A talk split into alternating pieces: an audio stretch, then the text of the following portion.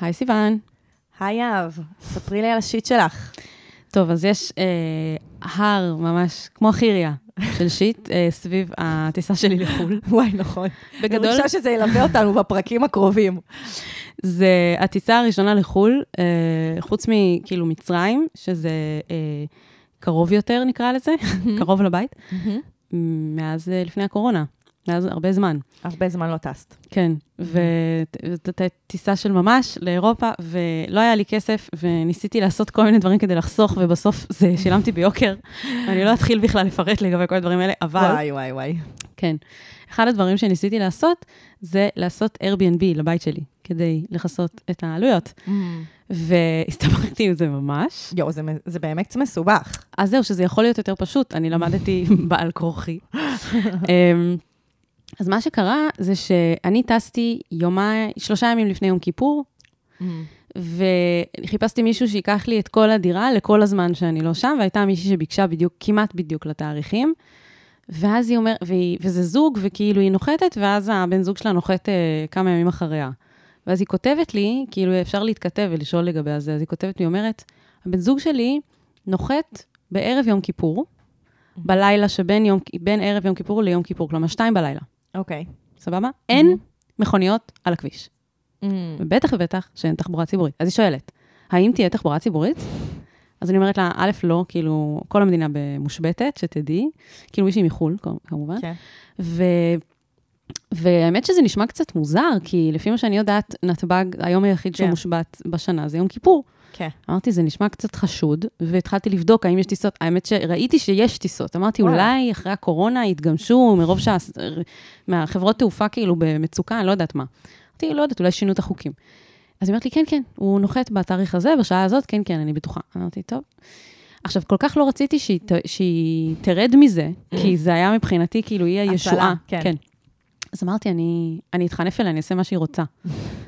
אז אמרתי לה, תקשיבי, אני, כאילו, לא אהיה, אין לי איך לעזור אני ידעתי גם שברגע שמגיעים לנתב"ג בערב יום כיפור שתיים בלילה, כן. אם יש שם בכלל מישהו, זה נהגי מונית שיבואו לרצוח, לרצוח במחיר. נכון. כי הם יודעים שאין לבן אדם ברירה. כאילו, אני יודעת שיש uh, תיירים שממש עשו להם, uh, mm.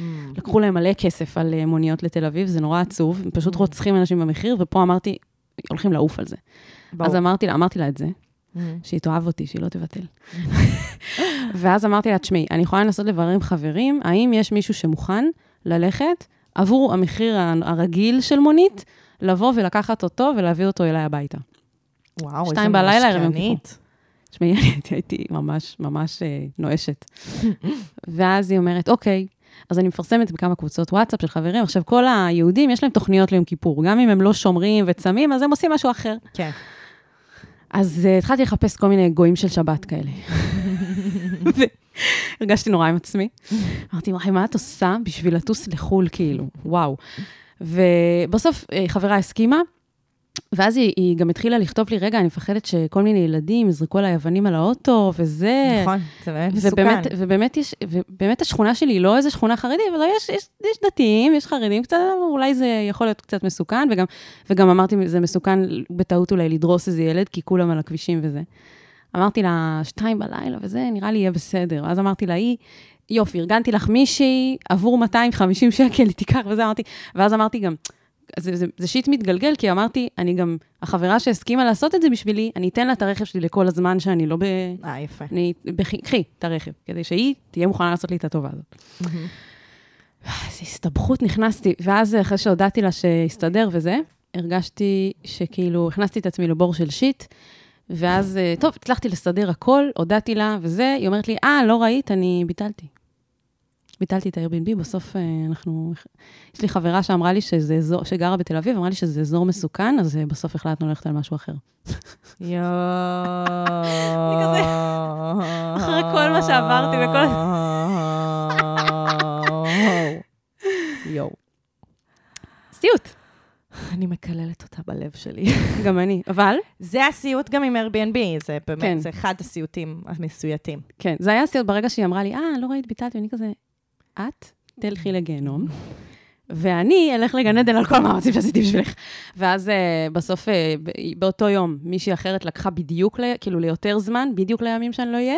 ולא נחתה ביום כיפור. ולא נחתה ביום כיפור, אבל התחלתי להתחנף גם אליה, ועשיתי ריסוס לג'וקי וזה, התחלתי להסתבך יותר ויותר ויותר, רק שהיא לא תבטל, ובאמת, uh, הכל לטובה, היא לא ביטלה, היא הייתה, הכל היה בסדר. יפה. סוף אבל, טוב, הכל טוב. כן, אבל המאמצים בדרך היו שיט גדול. כל, וואי, כל הכבוד לך על ההשקעה. את, שוב תגיעי לחסידי אומרות עולם של ה-Airbnb. של ה-Airbnb. את לא מבינה איזה חנופה הייתה שם. את לא מבינה כמה התאמצתי, ישרתי לאוכל במקרר, אמרתי לה... למרות שאסור להשאיר, לא? וואי, אני לא יודעת. נראה לי שאמרו לי... ניסיתי ממש לפרגן בכל צורה אפשרית. כל הכבוד. רק שלא תבטל. כל הכבוד. כן, אבל היום כיפור הזה, זה היה וואו. זה... זה לא סבבה. זה סיפור גבורה.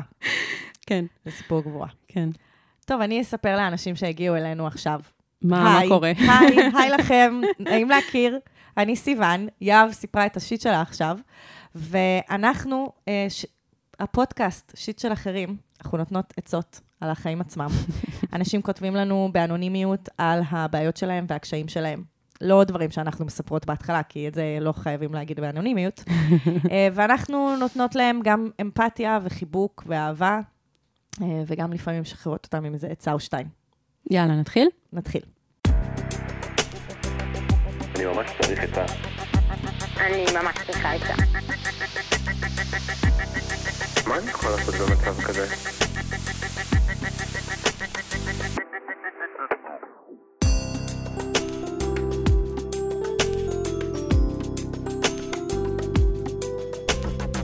shit של אחרים. אז רייצ'ל גרין, בסוגריים, Friends טוב יותר. איך ידעתי? בת 25. עכשיו אתם מבינים למה סיוון רצתה להקריא את הפנייה הזאת, ב... כדי שהיא תוכל להדגיש להד... את מה שנכתב שם. כאילו, א', כל הכבוד לך, אה, פונה, רייצ'ל, כאילו, שאת בקיאה. בוויכוח הישן-נושן. חשוב להגיד, זה ויכוח מאיזה פרק... לא מקדמת לא, דנה, מאיזה פרק שמונה כזה, יותר, משהו. יותר יותר מוקדם. ממש, כאילו, אז כל... סיוון חושבת שפרנדס יותר טוב, יהב, שזאת אני, חושבת שסיינפלד יותר טוב, ועכשיו הפונה הזאת, אנחנו כולנו יודעים מי תהיה בעדה יותר. לגמרי, גם אה, כותבת על מיניות, אז בכלל, קיצר, בואי, בואי, אה, רייצ'ל, ונהיה חברות. כן. אמ, אז אני אתחיל להקריא את הפנייה. אני ישנה עם חבר שלי באופן קבוע ומתחרמנת עליו מתוך שינה. כלומר, בלא מודע, הוא יידע אותי. אבל אם הוא מנסה לייצר איתי מגע מיני, כשאני ישנה, אני מתעוררת בתחושות קשות בעקבות הטרדה מינית שעברתי בעבר מסיטואציה דומה, שלא הייתה בהסכמתי וקפאתי בה. זה גורם לו להתעורר חרמן, אבל הוא לא יוזם איתי מגע בחזרה כי הוא מודע לקושי שלי, כך שהוא חווה באופן קבוע ביצים כחולות, ונשאר עם התסכול. זה גם גורם לו לייצר המון מגע מיני איתי במהלך היום ולרצות המון סקס. לפעמים בתדירות שאני מרגישה overwhelmed ומבקשת ממנו פחות. הוא מכבד אותי ואת הרצונות שלי, אבל מתוסכל כי אחרי שאני דוחה אותו, במרכאות, בלילה אני נוגעת בו שוב וחוזר חלילה. אציין גם שהוא טוען שיש לו יצר מיני גבוה יחסית, ואני מאמינה שגם לי. השיח בינינו מאוד כנה ופתוח, מדברים על הכל בכבוד ובישירות, אבל זה מרגיש לי כרגע שהוא קצת, במרכאות, קדוש מעונה. חשוב לציין שהסקס שלנו מעולה והתקשורת תוך כדי גם, הוא מענג אותי ברמות שלא ידעתי שקיימות. הצעתי לו שיונן כשהדבר הזה קורה בלילה, אבל הוא מרגיש שזה לא יכבד אותי לעשות את זה לידי בזמן שאני ישנה, ואני מבינה אותו. אני מרגישה שאין לי שליטה על הגוף שלי, שיש דיסוננס בין מה שאני עושה מתוך שינה לבין ערות. הפער הזה מייצר לופ של תסכול שהוא גם שלי. איך יוצאים מהלופ הזה? האם עליי למצוא את הדרך להתמודד עם הטראומה שלי כדי שנוכל לממש יותר את המתח המיני שנוצר בלילה בלי שאכנס לחרדה? האם יש דרך שבה נוכל לישון יחד ואני אהיה מודעת למעשים שלי? או שפשוט נבין שזה בסדר שיעונן אם רוצה? סיוון, בבקשה תעזרי לי עם עצות פרקטיות והידע המרשים שלך. ויהב, בבקשה תעטפי אותי באמפתיה, ואז תנערי אותי ותזכירי לי שצרות של עשירים ותקשורת מקרבת. קודם כל, אני מאוד אהבתי את החלוקת תפקידים, ממש. אבל אני לא יודעת איך אני קיבלתי את התפקיד הזה. למה? מה, צרות של עשירים? אה. מה? כאילו היא אומרת, תכניסי אותי לפרופורציות. אה, הבנתי. כן, אני מכניסה לפרופורציות? אין לי מושג. אני רוצה לא, לציין... כן, את כן תמיד מדברת על תקשורת מתקרבת, ואת נכון. כן נותנת את האמפתיה, בעיקר בפניות של המיניות. אני חייבת, כן, אה, בפניות של מיניות, סיוון נותנת את הפרקטיקה ואני נותנת כן. את האמפתיה. נכון. זה נכון. אה, אותי הצחיק שהיא התחילה ממש טוב בצד שלך, כי היא אמרה שפרנד זה יותר טוב וקראה לעצמה רייצ'ל גרין, והיא סיימה ב... סיוון עם שתי שתי ו'. ו', ואני רוצה להגיד, אחד-אחד. ושעכשיו אה, סיוון אה, אולי קצת פחות אה, בעדך. אני אגיד, זה צרם. השומעים, המאזינים, לא יודעים שהיא כתבה עם שני ו"ים. נכון, אבל אני הייתי צריכה לציין. נכון, נכון, לגמרי, לגמרי. בקיצור, יש אה, כל מיני דרכים לגרום לסיוון להיות לצידך או לא לצידך, והיא השתמשה גם בבעד וגם בנגד. אהבתי את השילוב, היא איזנה בסוף. אה, אחלה של פנייה, אהבתי את הכתיבה. ממש. אני אה, אתחיל בזה שאני אגיד, קודם כל זה נשמע ממש אה, לא פשוט, נכון. השילוב הזה בין, מצד אחד, אה, את אומרת שאת מרגישה שיש לך תיאבון מיני, נקרא לזה יותר מהרגיל, ומצד שני, יש איזושהי טראומה שקרתה, שגורמת לך דווקא להתרחק מהמיניות מובן, באיזשהו מובן, נכון. או לרצות אותה פחות ברגעים מסוימים, כן. וזה בעצם הגוף, הבלבול בין העוררות המינית שקורית באופן תת-מודע בזמן שינה, לבין הדחייה בזמן הערות. שזה פשוט הגוף מאוד מאוד מבלבל, והדיסוננס הזה זה אה, משהו שהתעסקנו בו גם בעבר. בפרק 57, בפנייה של אה, לא רוצה תה, אז אה, מומלץ גם להאזין לזה, נראה לי. נכון. אבל אני גם אגיד שפשוט אה, ליבנו איתך, זה נשמע הבלבול בעיקר, שזה מייצר כן. אצלך. בואי, לפני שאנחנו מדברות על מה זה יוצר במערכת יחסים ביניכם, נכון. הגוף שלך אומר לך באיזשהו מקום קצת מסרים סותרים, וזה יכול להיות מבלבל, מפחיד, מתסכל. נכון. ו- וזה ממש ממש קשה. נכון. אני כן רוצה להגיד שזה מדהים שהבן זוג שלך מענג אותך בצורות שלא ידעת שקיימות. ממש. איזה יופי.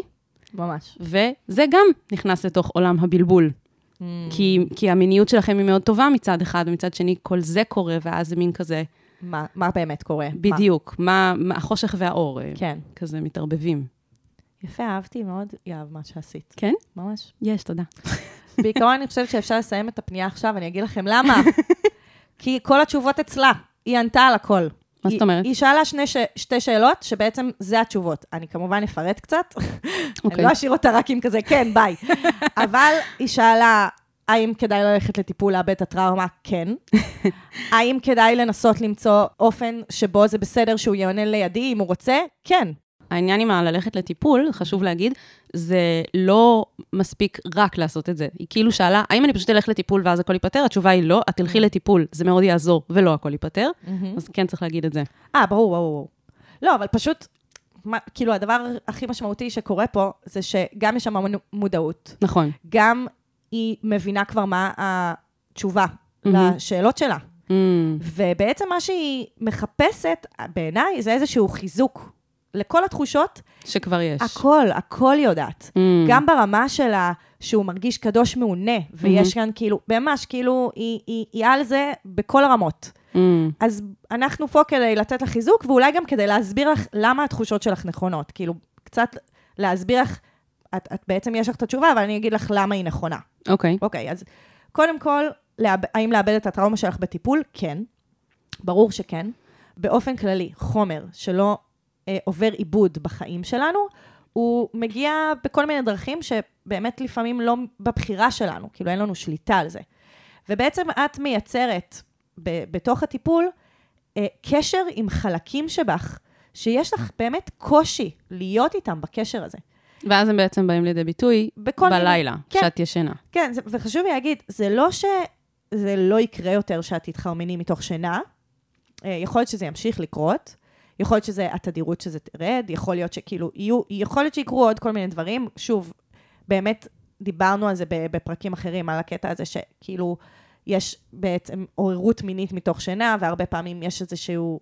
זה גם בעיית שינה, חשוב להגיד. זה, כן. לא, זה לא בעיה אה, סקסולוגית, זה בעיית שינה, אה, שאפשר לפתור אותה בללכת לרופא שינה, ולעשות את הבדיקות במעבדה, ולראות אם צריך...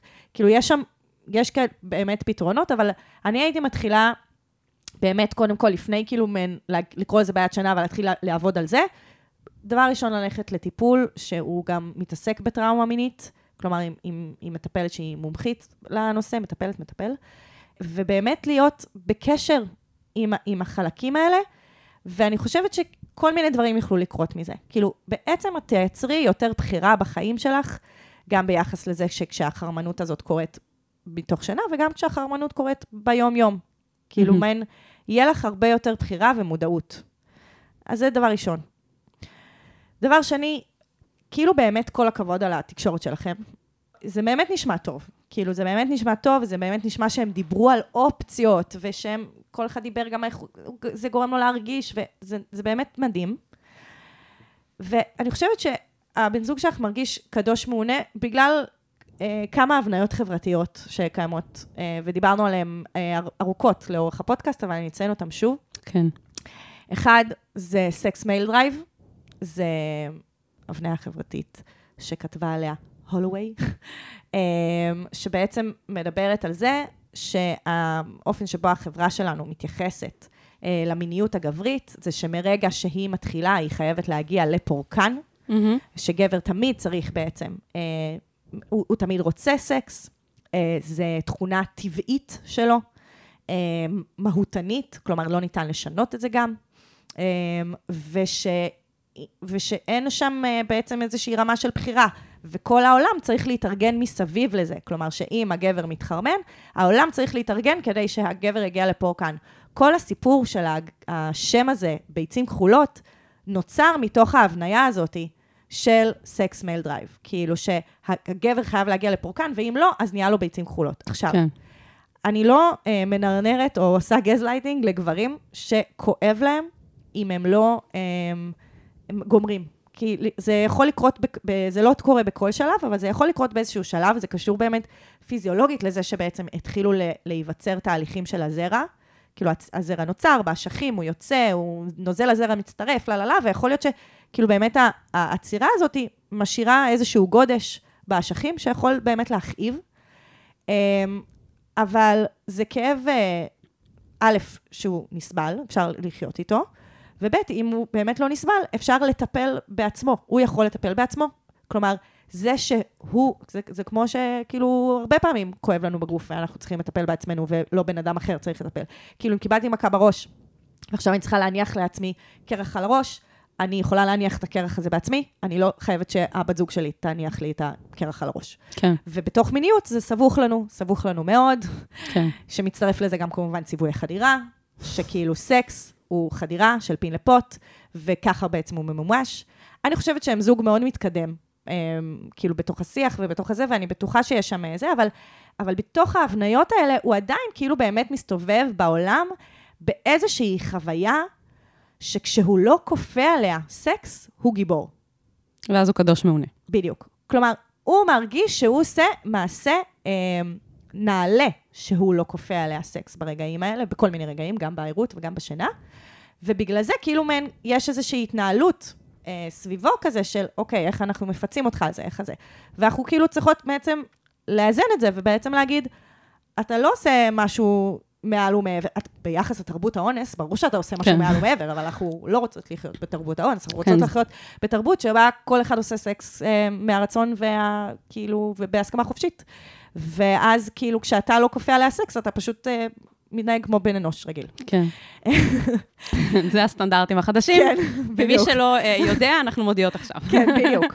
וזה, ואני אני אומרת את זה, אולי זה נשמע שאני שיפוטית, אבל אני אומרת את זה עם אמפתיה, כי באמת קשה לחשוב ככה. בעצם אתם שניכם צריכים לעשות איזשהו reframing, כי כשאנחנו חיים בחברה, ש...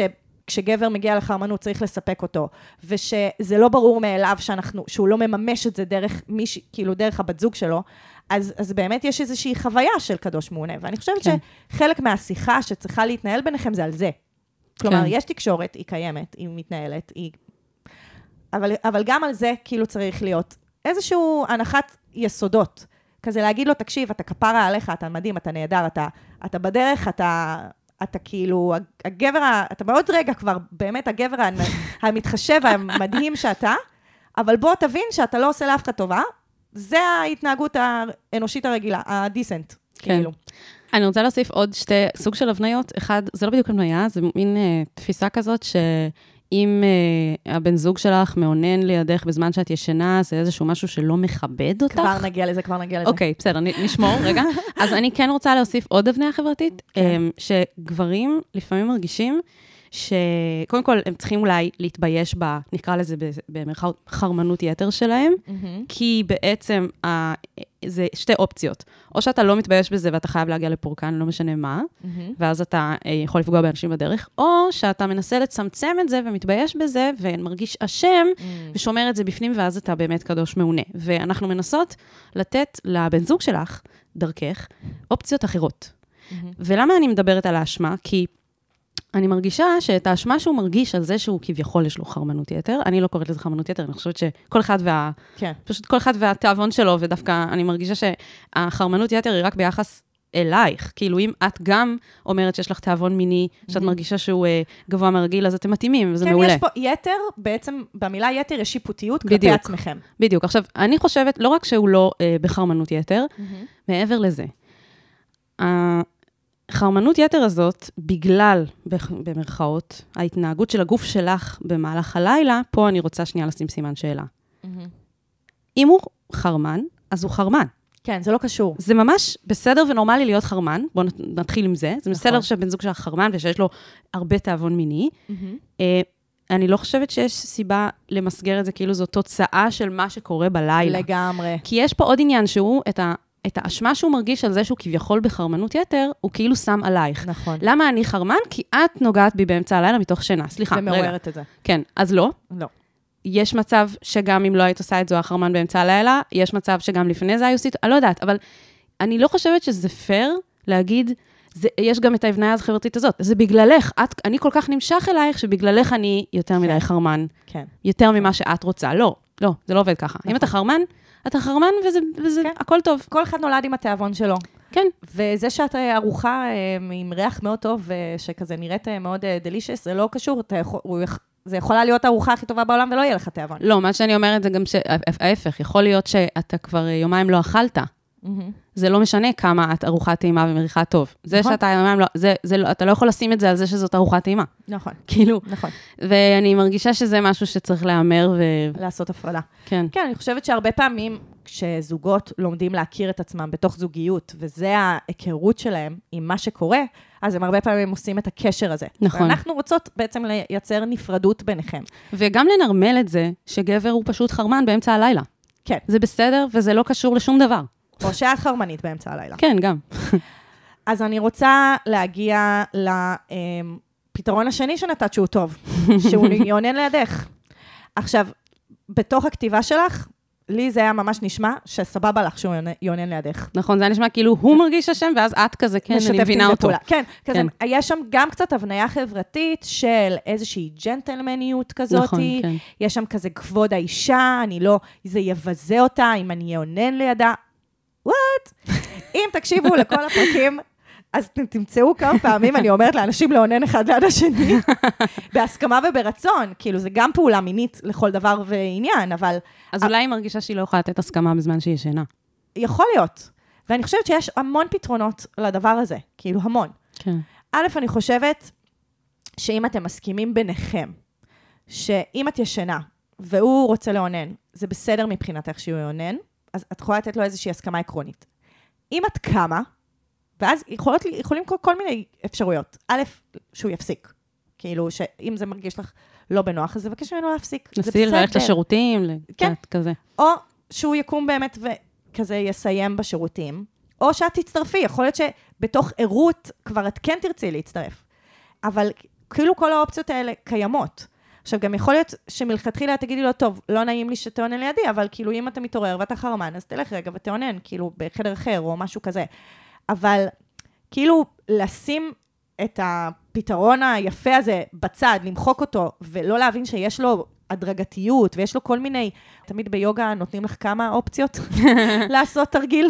כמה דרגות של כן, קושי. בדיוק. אז כאילו גם בתוך זה, זה, זה לא חד משמעי. זה לא שאם הוא יאונן, הוא יהיה חייב להמשיך לאונן. כן. כלומר, ברגע שאת נותנת לו הרשאה, אז הוא יודע שהוא יכול לעשות את זה. ואז, אם את מתעוררת, מתנהל דיון, כי עכשיו זה שני אנשים ערים. כן. אם את ישנה, אז בסדר, אז הדבר הזה קורה לידך, וזה... אז הוא יכול לספר לך יום אחרי זה שזה קרה, ומה היה, היה לו נעים ולא היה לו נעים, ומה... וגם בטיפול אפשר להת, להתמודד עם מה שקורה, אם קורה, נכון. שזה גם... אה, נכון, כמובן שאם את מרגישה שזה יפגע בך, או שזה לא יעשה לך טוב, אז כמובן שלא, ואז הוא יכול באמת לאונן לא בחדר. אבל בכל מקרה, אני חושבת שברגע שכואב לא בגוף, זה לא אחריות שלך, וזה, לא- וזה משהו ש... זו ההפרדה הכי כן. משמעותית בתוך הסיפור הזה. גם אם זה משהו שהתעורר ביניכם, ואז את לא רוצה... זה כמו שאומרים שסקס, אה, תמיד אפשר להתחרט על סקס, נכון? אממ, גם כן. אם אמרתי שאני שלב. רוצה, בכל שלב אני יכולה להתחרט, וזה לא משנה, גם אם התחלתי את זה ואמרתי שאני רוצה, והתחלנו להתחרמן, אני בכל שלב יכולה להתחרט. כן. אז זה על אותו עיקרון, גם אם את נגעת בו מתוך שינה וזה עורר את זה, זה לא אומר שזו אחריות שלך לסיים את זה. זה עוד פעם ה sex male drive הזה. כלומר, זה לא אומר שאת צריכה להביא אותו לפורקן, וזה לא אחריות שלך להביא את זה לפורקן. כן, כאילו כמו שמתוך ערות בכל שלב אפשר אה, להפסיק, גם מתוך שינה. שזה בדיוק. בעצם מה ש... בדיוק. אז אני חושבת שיש, ל- לקושי ביניכם, יש רבדים מודעים ורבדים לא מודעים. ועם כל הרבדים האלה אפשר לעבוד. כלומר, אני חושבת שיש אצלו רבדים לא מודעים בהקשר של כזה, האופן שבו הוא תופס, המסגור שהוא נותן למה שקורה ביניכם, ואפשר על זה לדבר ולהנכיח את זה. אני חושבת שלך יש רבדים לא מודעים ב, באמת במה שקורה לך בתוך השינה, ובקשר שיש לך עם הטראומה שקרתה לך בעבר, וש... והפער ביניהם. ויש בך איזשהו גם קריאה להתעסק עם זה. כלומר, את קצת אומרת, את מבקשת מאיתנו דחיפה. כן, את רוצה כבר לגעת בזה, את מדברת על זה בעצמך. כן. אמ, אז, אז אני חושבת שבאמת כל התשובות כבר קיימות אצלכם, ופשוט צאו לדרך. כאילו, צאו לדרך, אתם ממש גם, אתם יודעים לעבוד, אתם יודעים לדבר, אתם נהדרים. פשוט תעשו את זה. אנחנו ממש מחזקות אתכם. לגמרי, ונשמח לשמוע איך, אה, איך, איך ההתקדמות. נכון. ותודה שציינת שוב שאפרן זה הכי טוב. אני סולחת לך. יאב, סולחת לך, סיוון אה, מרימה.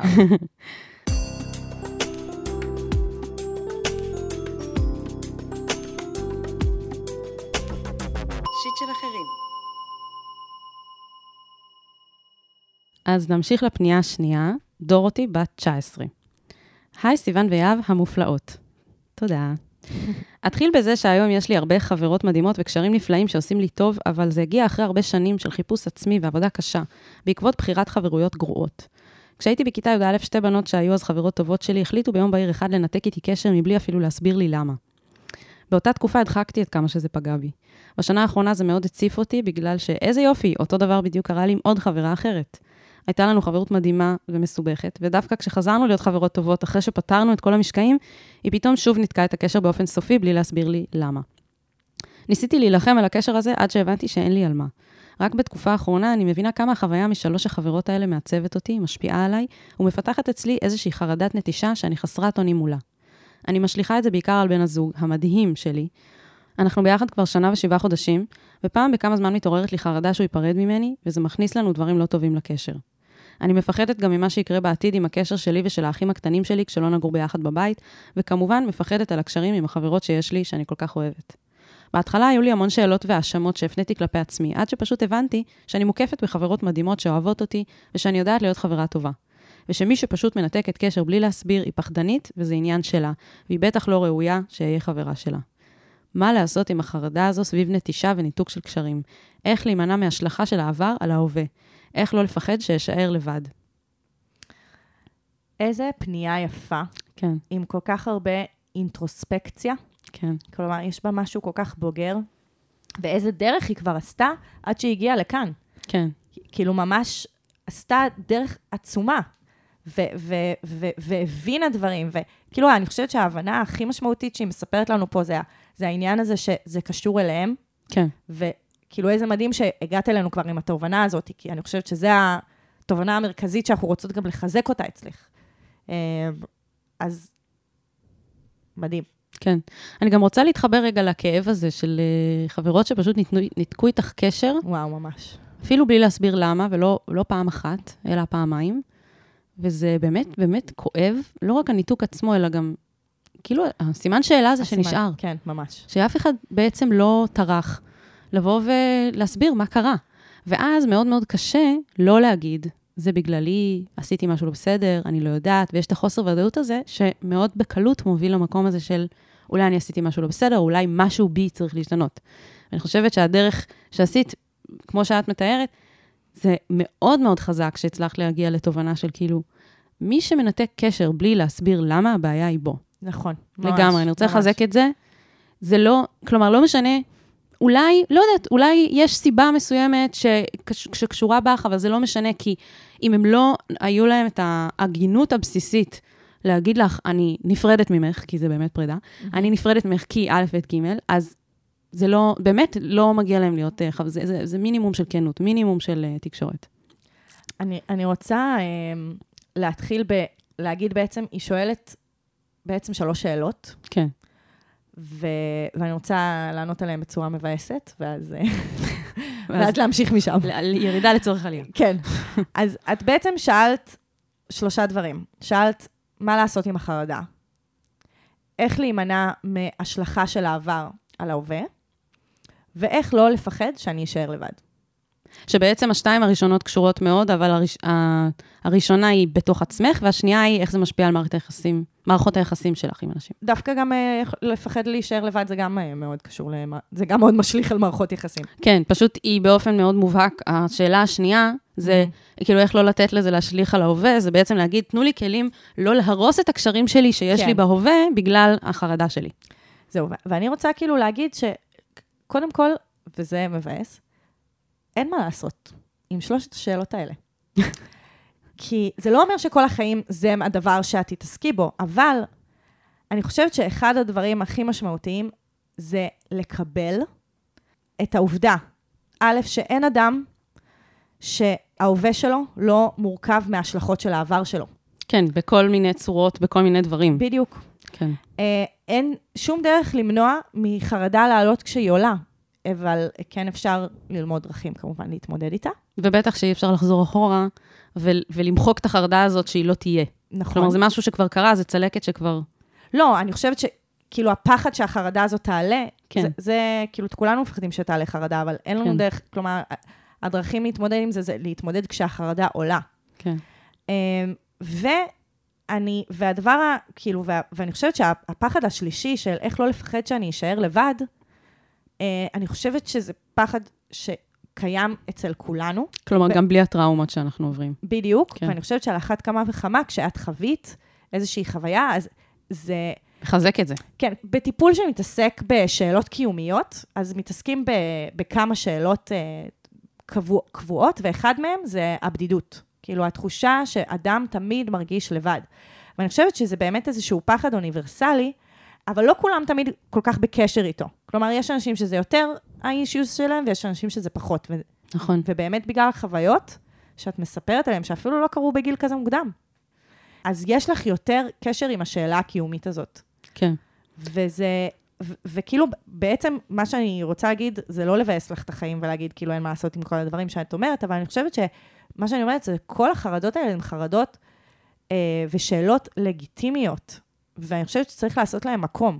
כן. לעשות להם מקום, ואני חושבת שהעבודה שלך, ב- ו- וזה הדבר שעכשיו נראה לי נדבר עליו, זה איך אה, לא מיד להגיב להם. כלומר, איך את מייצרת מרווח בין זה כשהחרדה הזאת עולה, או בין זה שפתאום חוויות העבר משתלטות על ההווה, ואיך את מצד אחד שמה לב לזה, ומצד שני לא מגיבה לזה מיד. לא מגיבה בהתאם לזה, לא עושה לזה כן. acting out. מגיבה לזה בהתאם למרווח שנתת לעצמך. בדיוק. ואז אפשר להגיב בצורה שהיא פחות פוגענית כלפי היחסים. ממש. אה, זה, זה מאוד נוגע למערכת יחסים שלך עם הבן זוג, למשל, שהיא אמרה, באופן מובהק אני רואה איך החרדת נטישה שלי מכניסה לנו דברים לא טובים לקשר. ואם את רואה את זה, זה אומר שאת יכולה לתת לעצמך את המרווח שאת צריכה בשביל למנוע מעצמך לעשות את, ה, את הסבוטאז' הזה, את, ה, את הנזק. את הבחירה. כן. כן. אני ממש אוהבת, אני רוצה להתייחס לשאלה האחרונה השנייה, יש לי רק משהו אחד להגיד על זה. איך, איך לא לפחד מלהיות לבד, כמו שאת אמרת, לא בא לי לבאס, אבל כולנו מפחדים להישאר לבד. אה, ו- וזה באמת שאלה קיומית. יש שיר שממש נגע בי בהקשר הזה, של ריף כהן, שאני לא זוכרת איך קוראים לו, אני אשים אותו אבל בלינקים. אה, גם הקליפ נורא יפה, ויש שם איזה משפט שאומרת, כאילו תמיד אומרים לך, אה, אבל את תישארי לבד. אגב, זה לא רק אה, שאלה קיומית, זה גם הבניות חברתיות שמחזקים, שמחזקות את זה. ואז זה הופך להיות עוד יותר גרוע. תמיד אומרים לך, מה, אבל תישארי לבד, תהיי זקנה עם חתול, כאילו יש את זה בתרבות שלנו. כן. ומאוד מקדשים את הביחד, ואז הלבד הוא, הוא כאילו בדידות, הוא, הוא רע.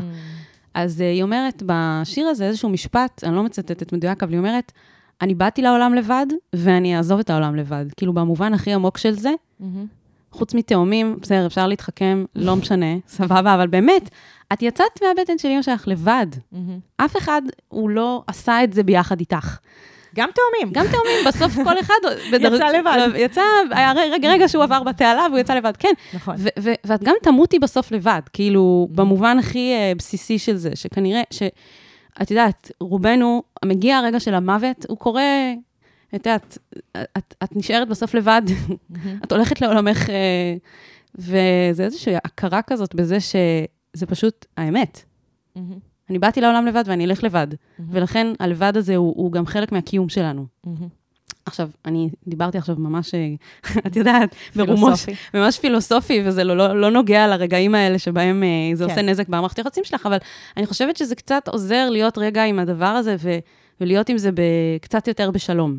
כן. שכאילו, שגם לבד הוא לא תמיד אומר בדידות, מהמם. וזה חשוב לזכור, אה, וגם ש, שזה משהו שכולנו מתמודדים איתו, אז בעצם בסוף אנחנו כולנו ביחד בזה. כאילו נכון. כל האנושות ביחד בדבר הזה של להיוולד לבד וללכת לעולם, לעולמנו לבד. נכון.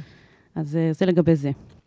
אז אני אחזור לשאלה הראשונה של מה לעשות עם חרדה כשהיא עולה, ואני חושבת שאם לא מפחדים שהיא תעלה, אז בעצם יודעים גם יותר לעבוד איתה, וגם כמו שהיא באה, היא יכולה לחלוף. כלומר, אני אומרת לה, ברוכים הבאים. כן. כן. באה, זה מה שאת כן. וללמוד uh, טכניקות, א', לזהות אותה ולהבין שקוראים לה חרדה, ואז להגיד בעצם מה שקורה לי עכשיו זה חרדה, זה כבר um, טכניקת ויסות מטורפת. כן. חלק ממה שמעלי, אני חושבת שהחוויה שהיא תוקפת אותנו ואנחנו לא מבינים מה קורה לנו, זו חוויה מאוד קשה, אבל כשזה כזה, היי, החרדה הגיעה, אני כבר מכירה אותה, אני יודעת שכבר עברתי אותה, אני יודעת שהתמודדתי איתה. באמת ללמוד איזשהו ויסות, אה, נשימות, אה, לקרקע, אה, הרבה פעמים עושים עבודה עם הגוף, כאילו להרגיש את הרגליים, להרגיש את הידיים, להרגיש את זה. כלומר, יש, יש הרבה טכניקות ויסות שאת יכולה ללמוד כשה, כשהחרדה מגיעה. אני חושבת שבהקשר של השאלה השנייה, של ההשלכה של העבר על ההווה, אני חושבת שהעבודה הכי מרכזית, ש- שכבר הגעתי איתה, כן? זה רק בעצם המשך שלה, זה מודעות. ואני חושבת שהמקום שאנחנו הכי מצליחים לפתח פה מודעות ובחירה לגבי החיים שלנו, זה בטיפול.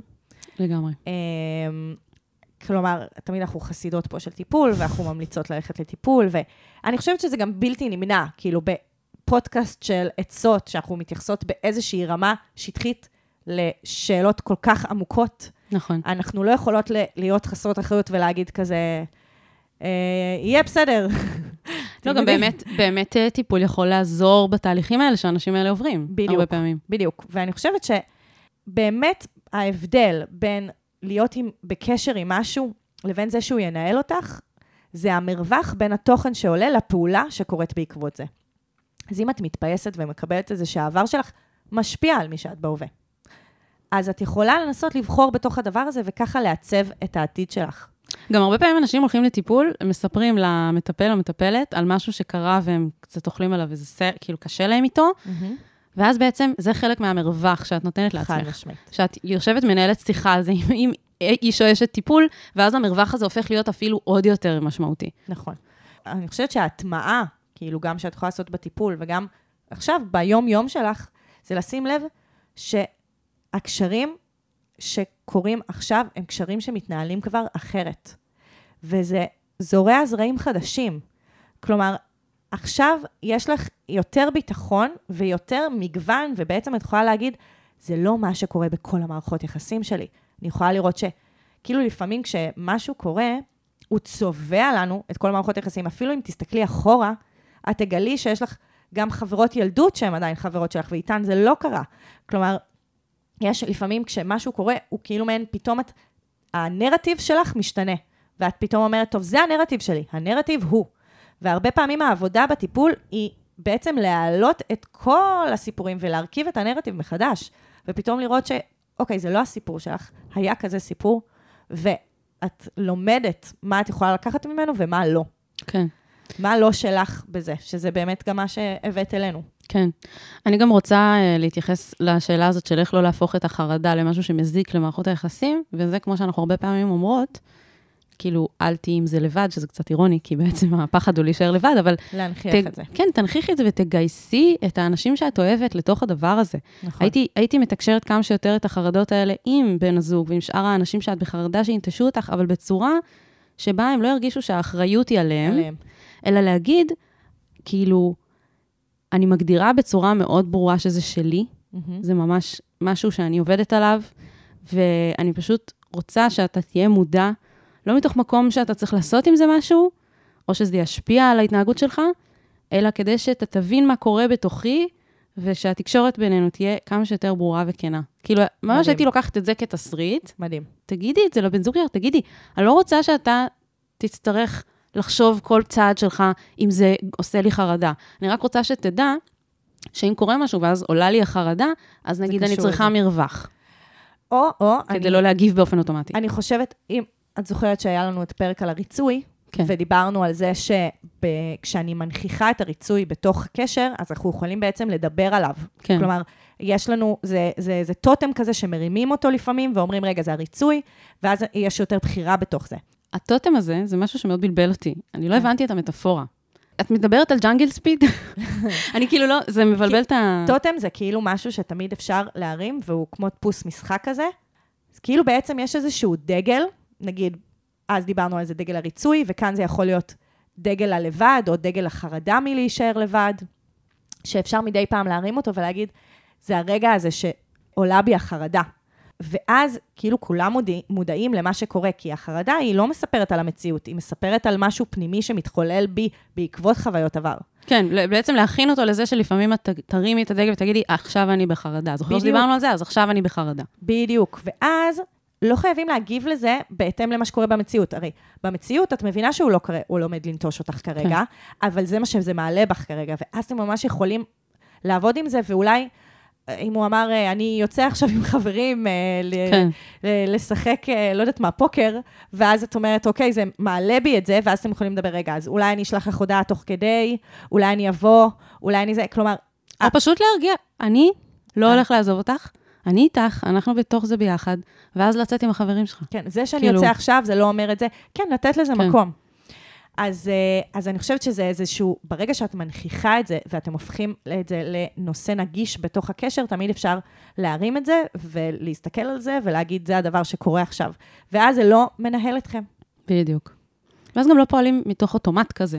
בדיוק. הרבה פעמים הדברים האלה שהם מדברים עליהם, שהם עושים נזק לקשר, זה כאילו ישר יורים איזה משהו, יש לי חרדה, ואז אני יורה משהו, ואז כאילו הצד השני גם מגיב לזה, או וזה שהוא הכל... ישר מנסה להפחית אצלך את החרדה, כן. אבל לפעמים זה לא הפתרון שהוא צריך בכלל להביא, הוא לא צריך להפחית את החרדה. נכון. אה, מדהים.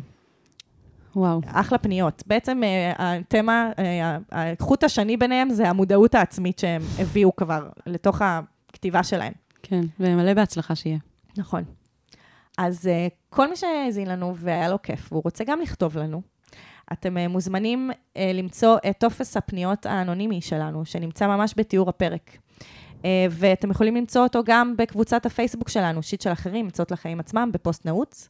כמו כן, תעקבו אחרינו באינסטגרם, שם יהב עושה כיף, וגם אני, שתדעו שגם אני שם לפעמים.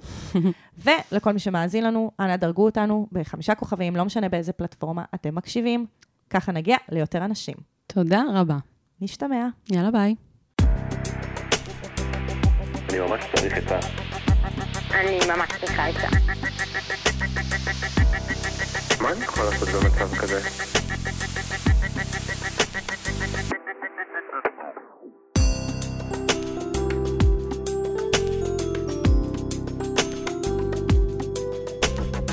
שיט של אחרים